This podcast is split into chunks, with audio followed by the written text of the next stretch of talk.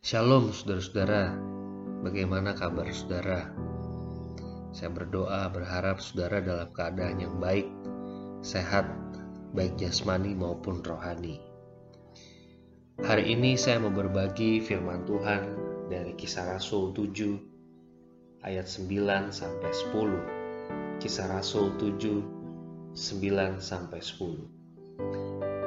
Karena iri hati bapak-bapak leluhur kita menjual Yusuf ke tanah Mesir, tetapi Allah menyertai dia dan melepaskannya dari segala penindasan serta menganugerahkan kepadanya kasih karunia dan hikmat. Ketika ia menghadap Firaun raja Mesir, Firaun mengangkatnya menjadi kuasa atas tanah Mesir dan atas seluruh istananya. Demikian firman Tuhan. Hidup Yusuf pada akhirnya sukses meski selalu disandung, namun tak pernah ia tersandung. Ia masuk penjara, tapi akhirnya keluar. Ia dijual saudara-saudaranya, tapi akhirnya disukai Potifar. Mengapa begitu? Karena kasih karunia Allah dan hikmat Allah beserta dengan Yusuf. Seapes-apesnya seseorang atau sesial-sialnya seseorang, kasih karunia Allah tetap mengelilinginya Anugerah Allah besar dan kaya sekali bagi kita. Saya merasakan firman Tuhan hari ini, penderitaan yang paling berat sekalipun tidak akan mampu melumpuhkan kita, sebab Allah tetap berkasih karunia kepada kita. Merenungkan bagian ini, saya jadi mengingat perkataan Paulus berikut dan mengajak saudara juga untuk merenung menikmatinya. 2 Korintus 4 ayat 7 sampai 10. Tetapi harta ini kami punyai dalam bejana tanah liat, supaya nyata bahwa kekuatan yang melimpah-limpah itu berasal dari Allah, bukan dari diri kami. Dalam segala hal kami ditindas, namun tidak terjepit. Kami habis akal, namun tidak putus asa. Kami dianiaya, namun tidak ditinggalkan sendirian kami dihempaskan namun tidak binasa. Kami senantiasa membawa kematian Yesus di dalam tubuh kami, supaya kehidupan Yesus juga menjadi nyata di dalam tubuh kami. Saudara-saudara, keahlian Yusuf menafsir mimpi dan kerendahan hati Yusuf berasal dari Allah, sehingga Yusuf tidak bisa meninggikan diri.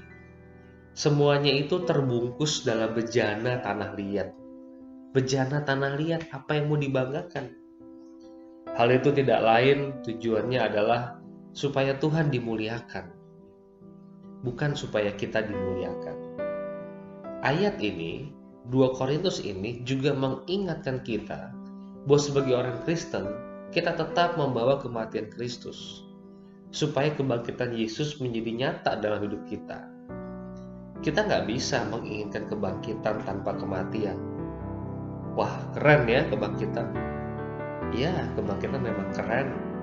Memang sesuatu yang mulia. Tapi hal itu terjadi dengan syarat kematian.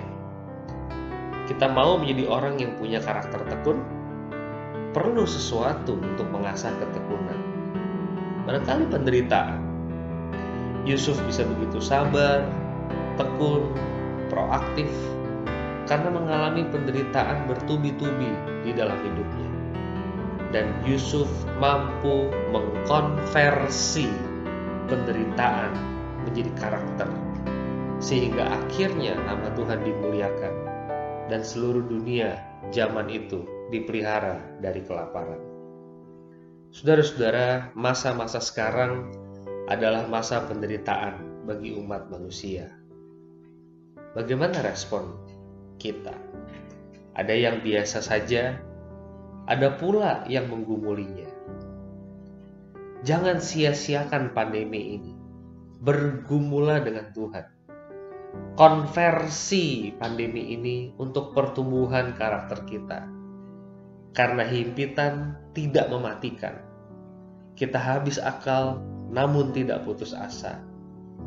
Paulus bisa mengeluarkan kalimat-kalimat semacam ini karena ia pun menderita.